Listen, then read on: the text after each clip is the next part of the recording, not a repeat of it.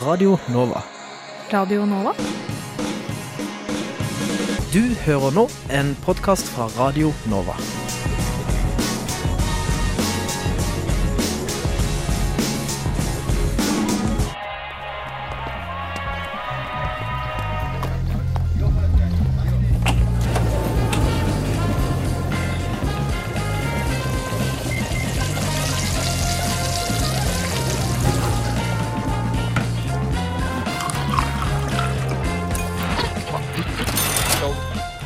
Du hører nå på Lunsjpod.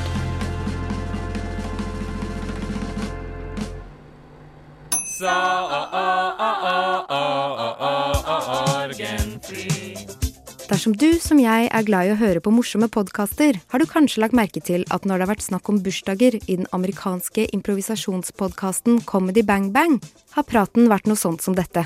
Happy birthday to you. Well, we would we would sing happy birthday to But you. we don't want to owe money to those two miserly crones, Mildred and Patty Hill. De kan ikke synge Happy Birthday to You, for da skylder de penger til Mildred og Patty Hill.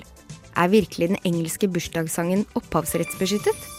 Happy birthday to you. Happy birthday to you. Happy birthday, happy birthday. Happy birthday to you. Opprinnelsen til sangen starter på 1800-tallet, da de to søstrene Patty og Mildred Hill sang Good Morning to All for barna i barnehagen i Kentucky der Patty jobbet. Melodien er den samme som vi kjenner fra Happy Birthday to You, og teksten var like enkel. Good morning to you, good morning to you, good morning dear children, good morning to all. I 1893 kom søstrene med sangboken Song Stories for the Kindergarten, der sangen ble publisert for første gang. I ettertid strides det om hvor original Good Morning to All egentlig var, og om søstrene hadde kopiert melodi og idé fra andre populære sanger på den tiden, slik som Happy Greetings to All, Good Night to You All og A Happy New Year to All. Det som så skjedde, kan ikke sies med 100% sikkerhet, da det tross alt er ganske lenge siden. Men sannsynligvis så gjorde lærere og elever om Good Morning to All til en sang de kunne synge når de feiret bursdager i skolen, og byttet derfor ut teksten med Happy Birthday to You.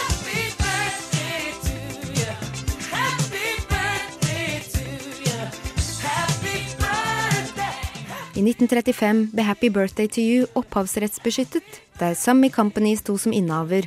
De som først hadde gitt ut Good Morning to All. Summy Company var gjennom flere sammenslåinger før det til slutt ble kjøpt opp av Warner Chapel Music i 1988 for 25 millioner dollar. De fortsatte da praksisen ved å kreve vederlag for bruk av sangen i alle offentlige sammenhenger, slik som TV, film, radio og arrangementer. Happy birthday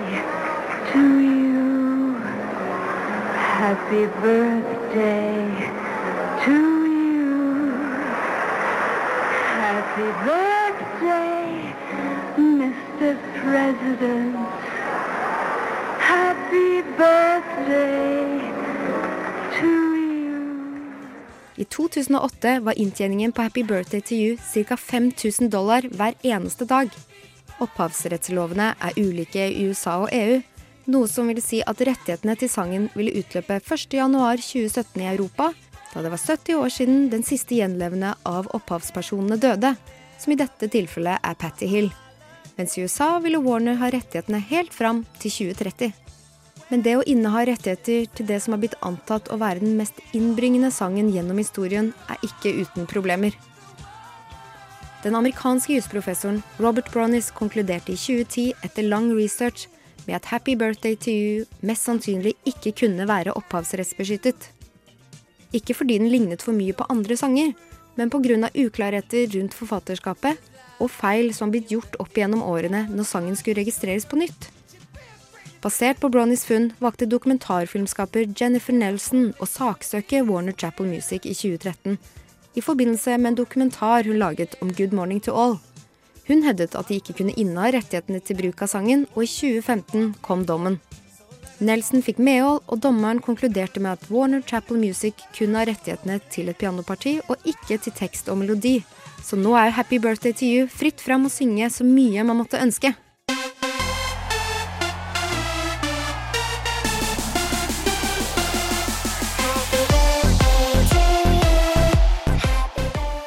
Dersom denne saken har gjort deg nervøs, og du lurer på hvordan det egentlig er med Hurra for deg som fyller ditt år, har jeg lov til å synge den? Da har jeg gode nyheter til deg. Margrethe Munthe døde i 1931, så den kan du synge så mye du bare vil.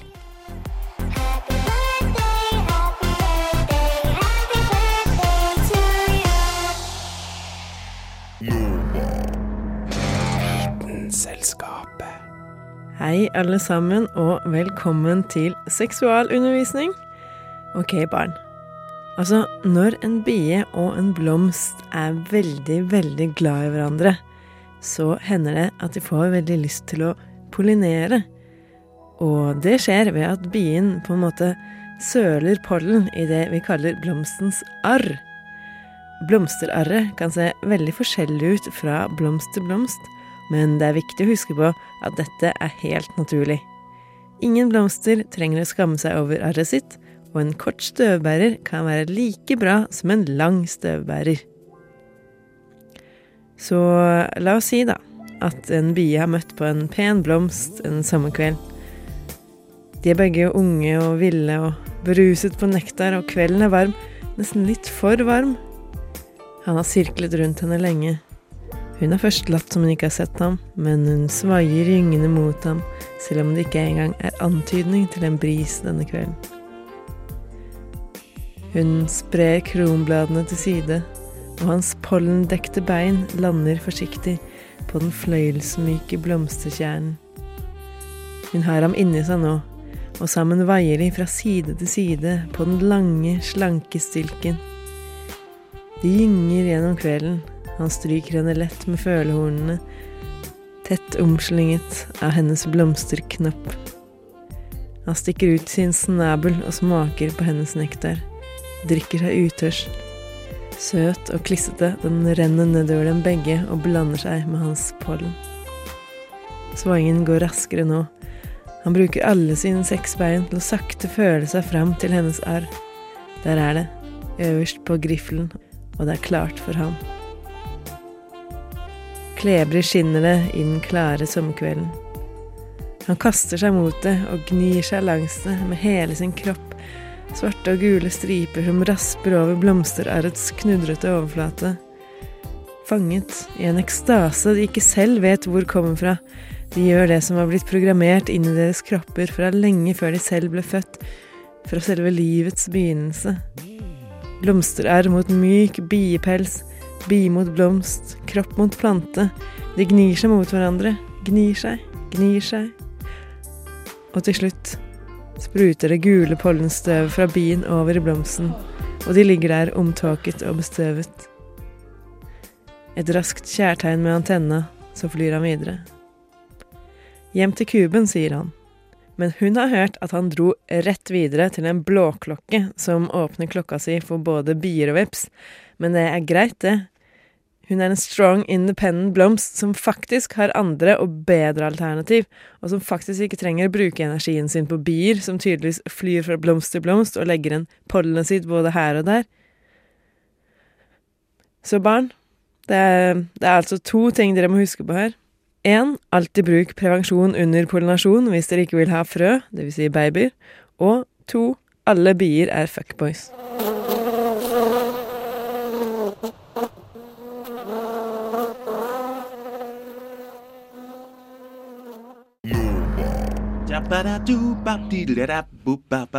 Du hører på Rushtid. På Radio Nova. Jo, jeg var i Budapest. Ja. Det som skjedde Fy faen. Fy, fy faen. Jeg ble høsla som faen. Og da la jeg til et lite sånn lydklipp. Fy faen, fy, fy faen. Mamma og gutta mine har begynt å høsle om dagen. Eh, det var utrolig bra. Dette er god radio. Jeg hadde bare lyst til å sette stemningen, da. Ja, ja, det er bra. Kult. Men det som skjedde Du hadde jo helt riktig i stad. Jeg blei rana. Du ble rana. Og Er det på ekte? ja, helt på fuckings ekte. I Budapest? I Budapest. Og jeg, vi var ute Dette var en klassetur. Vi var ute på lørdagen okay. og røyka vannpipe, og det var jævlig koselig. Var det Eh, weed-vannpipe? det var ikke weed. Er du sikker? her eh, det, var det, det er også litt av poenget, da. Det var ikke weed. Og jeg fikk veldig, veldig lyst på weed fordi jeg hadde drukket veldig mye øl. Og jeg var i en sånn tilstand hvor det var plutselig noe jeg fikk for meg at jeg skulle ha tak i, da. Ja, du skulle finne weed Jeg i finne Budapest. weed i Budapest. Mhm. Ingen andre av de gutta turte å være med ut i byen, så jeg tenkte at nå skal jeg være rå type. Nå skal jeg fikse det her helt aleine. Herregud, det høres ut som en ræva idé. Ja, sånn i retrospekt ganske dårlig, men der Ja. og da verdens beste idé. Så jeg går ut av det utestedet. Den første jeg møter, det er en fyr som er skalla, som mangler to tenner, som sitter oppå panseret på en bil med skinnjakke. Så sier han 'How you doing?' Og så sier jeg 'I'm doing fine'. Eh, så spør jeg om han har weed, og så sier han 'Of course I have weed'. Bli med meg to blocks eh, Sa du bare det? Do you have weed, sir? Ja, noe sånt, da. Han, er så rookie. Ja, han var, så, han var så positiv. Det var ikke måte på hvor mye weed han hadde hvis jeg bare fulgte han to, to Åh, blocks eh, videre. Nei, Christian. Så jeg gjorde det, og vi småtalka litt, og jeg lo litt, og han lo litt. Og så Mm. kommer det sju karer til bak han, Ja. Og så, så får, jeg, får jeg en pose med noe greier, da. Og det koster da 30 000 forint, som er ca. 1000 kroner. Så Det er bla- veldig dyrt. Ja, men der og da så tenkte jeg jeg er i Budapest, alt er billig, så jeg tenkte Jeg kobla Alt er billig. Du kjøpte weed for 1000 kroner. mer. Fordi det var, når jeg hadde gitt han 1000 kroner, så sa han forresten det koster 40 000, så jeg måtte ta ut mer i Minibank. Så tenkte jeg ja, ok, det er greit, liksom. Det er forint. Det er ikke så mye penger. Det er Masse penger. Og så blei han med meg til Minibank, og nå er vi liksom i en bakgate hvor det ikke er noen mennesker. Og det er, nå er det sju stykker av dem som står i ring rundt meg mens jeg tar ut penger. Du kødder. Nei, Og så tok jeg ut da 10 000 til, og så teller han pengene. 10 000? Forint, da. Ja, hva er det i norske kroner? Eh, hva blir det, da? Ja? Eh, det blir eh, 300, kanskje, da. OK. Eller et eller annet sånt. ok Så nå er vi oppe i 1300 kroner. Og så skulle de telle pengene, og da kommer det en fyr som bare Da sier han sånn What the fuck, man? Are you joking with me? Are you trying to fuck us over? This is not enough money. Og så kommer det en annen fyr, og så har de en dialog, da. For det øvde inn en sånn teaterdialog, tydeligvis. De har gjort det her før, da. Mhm. Og da ser de på meg. Is he fucking with you? I'm, I'm gonna kill him if he's fucking with you. Og så hadde de den greia gående. Og så sa de at jeg måtte ta ut en gang til. Nei! Og da var jeg åpen for det, da. For jeg hadde ikke lyst til å dø. Så jeg tok ut til, og dette her skjedde fire ganger. Så hver gang jeg tok ut, så var det ikke enough money og am I fucking with you-greiene. Men på fjerde gangen så blei jeg bare sånn irritert, for da hadde jeg ikke nok Da hadde jeg ikke noe mer penger å ta ut, ikke sant. Så det blei 3000 kroner til sammen, da. Og da, Nei, og da Men da ga de seg, da. Da var det sånn OK, du, får, du får gå, liksom. Når jeg ga dem litt motstand. Og da var jeg sånn da, OK, det her kosta meg 3000 kroner. Fikk Jeg- du weeden, da? jeg fikk weeden, så kommer vi hjem, og så skulle vi åpne den, og så var det timian. så jeg fikk jo ikke weeden. Men det som er litt sånn Kristian, Ja. jeg må bare stoppe deg Ja, der. bare gjør det. Dette er den verste historien jeg har hørt. Mhm. Du Jeg er helt enig. har Jeg blir tøsla som Så faen. dritt drita ut. Ja, jeg vet. ja, men det, jeg, jeg ser jo den. Jeg ser jo den.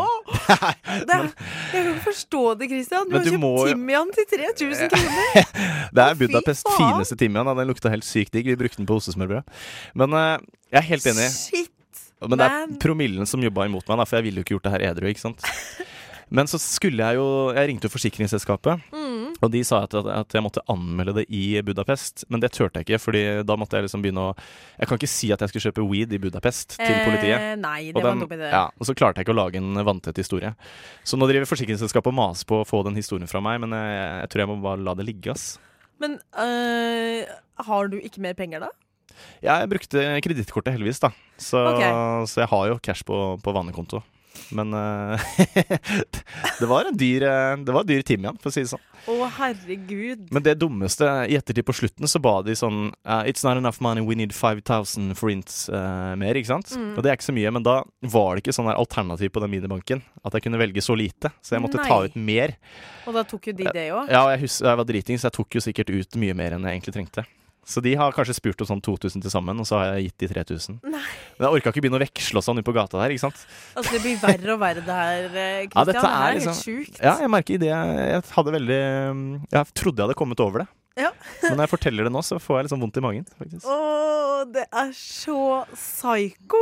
Men ikke dra til Budapest eh, og kjøpe weed på gata. Kan ikke konkludere Vi må ha en moral her, på en måte. Ja, Noe det er man har mye lært. moral, egentlig. Ja. Kanskje nummer én er ikke kjøp weed. Ikke kjøp weed i det hele tatt, Ja. kanskje. Ikke røyk weed. Kanskje Det du ikke skal røyke narkotika. Nei, rett og slett. Og Følg nummer loven. to, Ikke kjøp weed av en skalla mann med Nei. Han mangla to tenner, var det det? Han mangla to tenner. Jeg gikk rett inn i fella. Første menneske jeg møtte ut av det utestedet, var han. Han så på meg som han- tidenes letteste byttedyr når jeg sjangla bortover der og bare Hei, mann! Hello, man, do you have weed? Of course. Bli med meg 500 meter bare- bak her. Bli med meg til et svart gatehjørne. Der fikser vi det. Jeg synes han, Vi hadde sånn smalltalk, og vi lo på vei dit, og sånn Og så plutselig ble alt så alvorlig, ikke sant? Når de sju andre kom og Så jævlig skummelt. Ja, det var litt sånn creepy, det der, altså. Herregud. Jeg er kjemperedd for å bli rana. Ja, det skjønner jeg. Oh my god, Men eh, de drepte meg ikke, da. De tok ikke opp noen kniver og sånn, så jeg jeg er all good. Det var bra. Men jeg kan liksom ikke gå til politiet og forklare det her.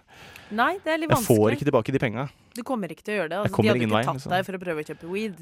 Nei. Men uh, jeg tror ikke de hadde hjulpet deg heller. Nei, ja, men jeg tror det var noen kameraer og sånn i bakgaten der, så jeg, sånn, jeg, jeg syns det er litt sketchy å gå til politiet. Ja. Hvis de kan uh, sjekke hva som har skjedd. Da.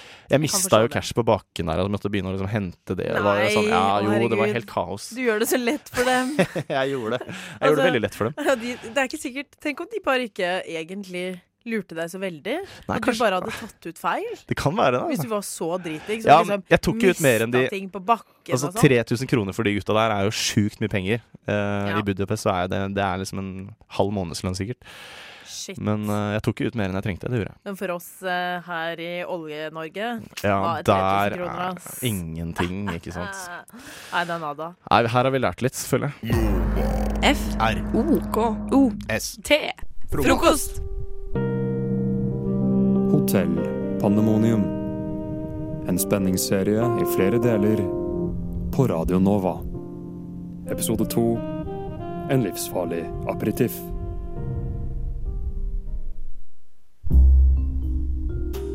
Vi befinner oss fortsatt på Hotell Pandemonium i den trøtte, altfor rolige byen Kverkeby. Det har gått en dag siden Den grønne svane, hotellets meget verdifulle smaragd, ble meldt forsvunnet. Vår helt privatetterforsker Arve Kvisthaug, på besøk i Kverkeby for å unnslippe sine indre demoner, vurderer å ta saken og finne den som rappet den uvurderlige edelstenen. Han har droppet frokosten for å se gjennom listen over hotellets gjester. Hmm, skal vi nå se. Hvem av disse gærningene kan ha gjort det?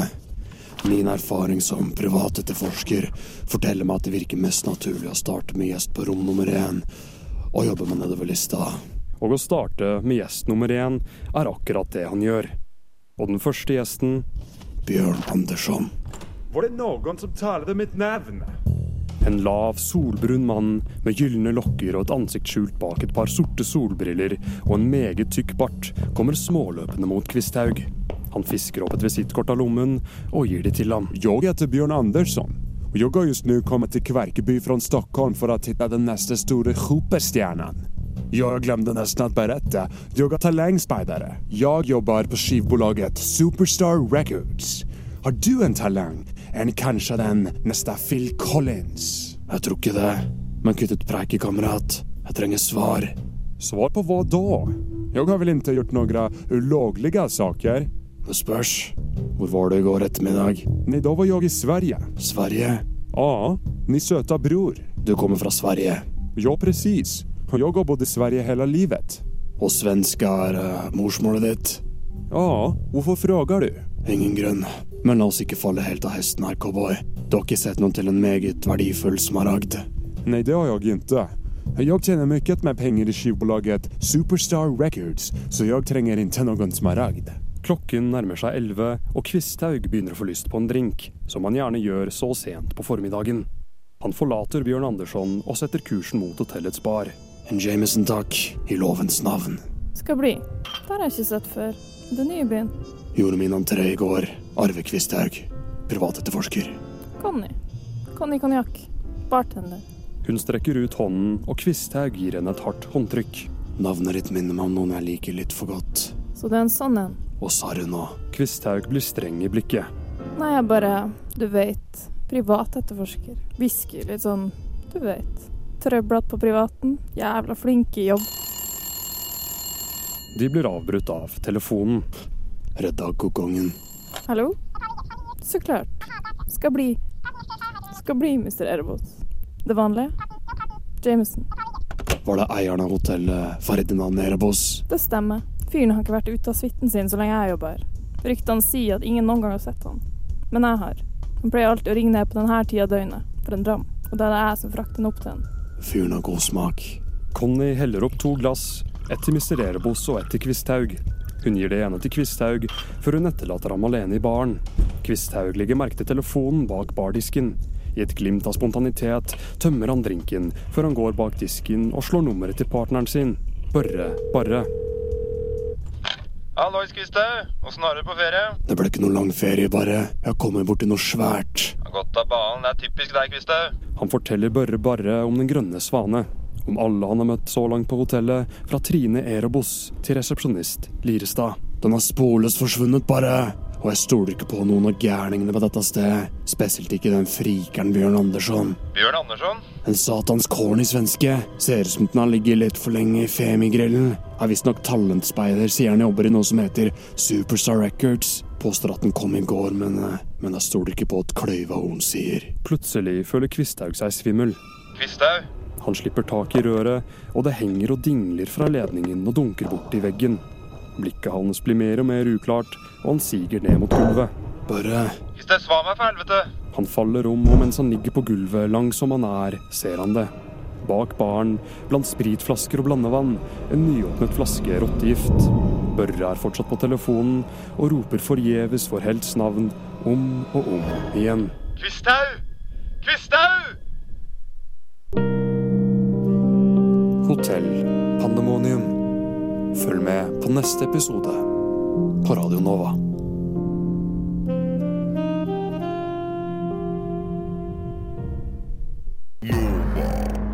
Du hører på Studentnyhetene. I en stor gul villa ved siden av Vigelandsparken finner vi Frogner seniorsenter. Der inne sitter det mange som er positive til å skulle bo sammen med studenter.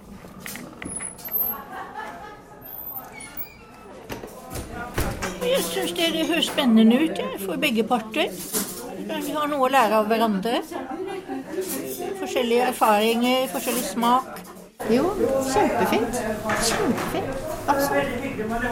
Altså, det er masse gamle her som kunne trengt å hatt en ungdom rundt seg. Så det, jeg liker veldig godt å være sammen med yngre mennesker. Jeg. Det er ikke alle som er like sikre på om studentene vil klare å leve opp til kravene fra de eldre. Hun har fortalt om sine barnebarn, de hører ikke på henne i det hele tatt. Når de er på besøk hos meg, så gjelder mine regler. Blant annet å ha med seg kjæreste og vil ligge i dobbeltseng. Det får de ikke lov av meg. Og så må de takke for maten. Og så må de si god natt når de overnatter hos meg. Så de får en jævla jobb, de som delte det der nede. Ja, ikke sant? Skjønner du? Videre så tok jeg turen til Høgskolen i Oslo og Akershus for å høre hva studentene der tenker om prosjektet. Månedsleie på 2700, 30 kvadrat og bare være med gamle, søte mennesker. Det, Det er Emmy åpen for. Du har en kandidat. Det å, det å jobbe med mennesker er så givende, så Ja, vi er glad i mennesker. Vi er glad i å jobbe med mennesker. Jeg kunne tenkt meg hvis jeg ikke bodde hjemme, så det høres veldig bra ut, egentlig. Det, det er en veldig bra tanke og veldig bra sånn det er. For da har studentene en plass å bo, og så har eldre sånn får mer hjelp. Men det er det der Det rent går sosiale alt- gjør vi her. Ja, det, det sosiale er mye, men går, kommer det alt ansvaret til å han på studentene. For visse perioder så er de veldig stressa. Og så er de jo borte en del av året, så det blir sånn her til nyttår og jul. Og i sommerferien så er det veldig mange som drar hjem. Og hva, som, hva er det da som skjer med de eldre?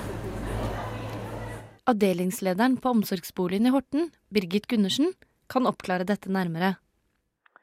De som flytter inn skal ikke være en ekstra ressurs. Og når det kommer til både ferie og eksamensperioder, så er vi i dialog og samarbeid med dem. Så får vi til å tilrettelegge om at de utfører de timene de skal eh, disponere i boligen da, på en annen måte. Det må vi bare ta fra sesong til sesong, egentlig. Du har hørt en podkast fra Radio Nova. Likte du det du hørte? Du finner flere podkaster i iTunes og på våre hjemmesider radionova.no.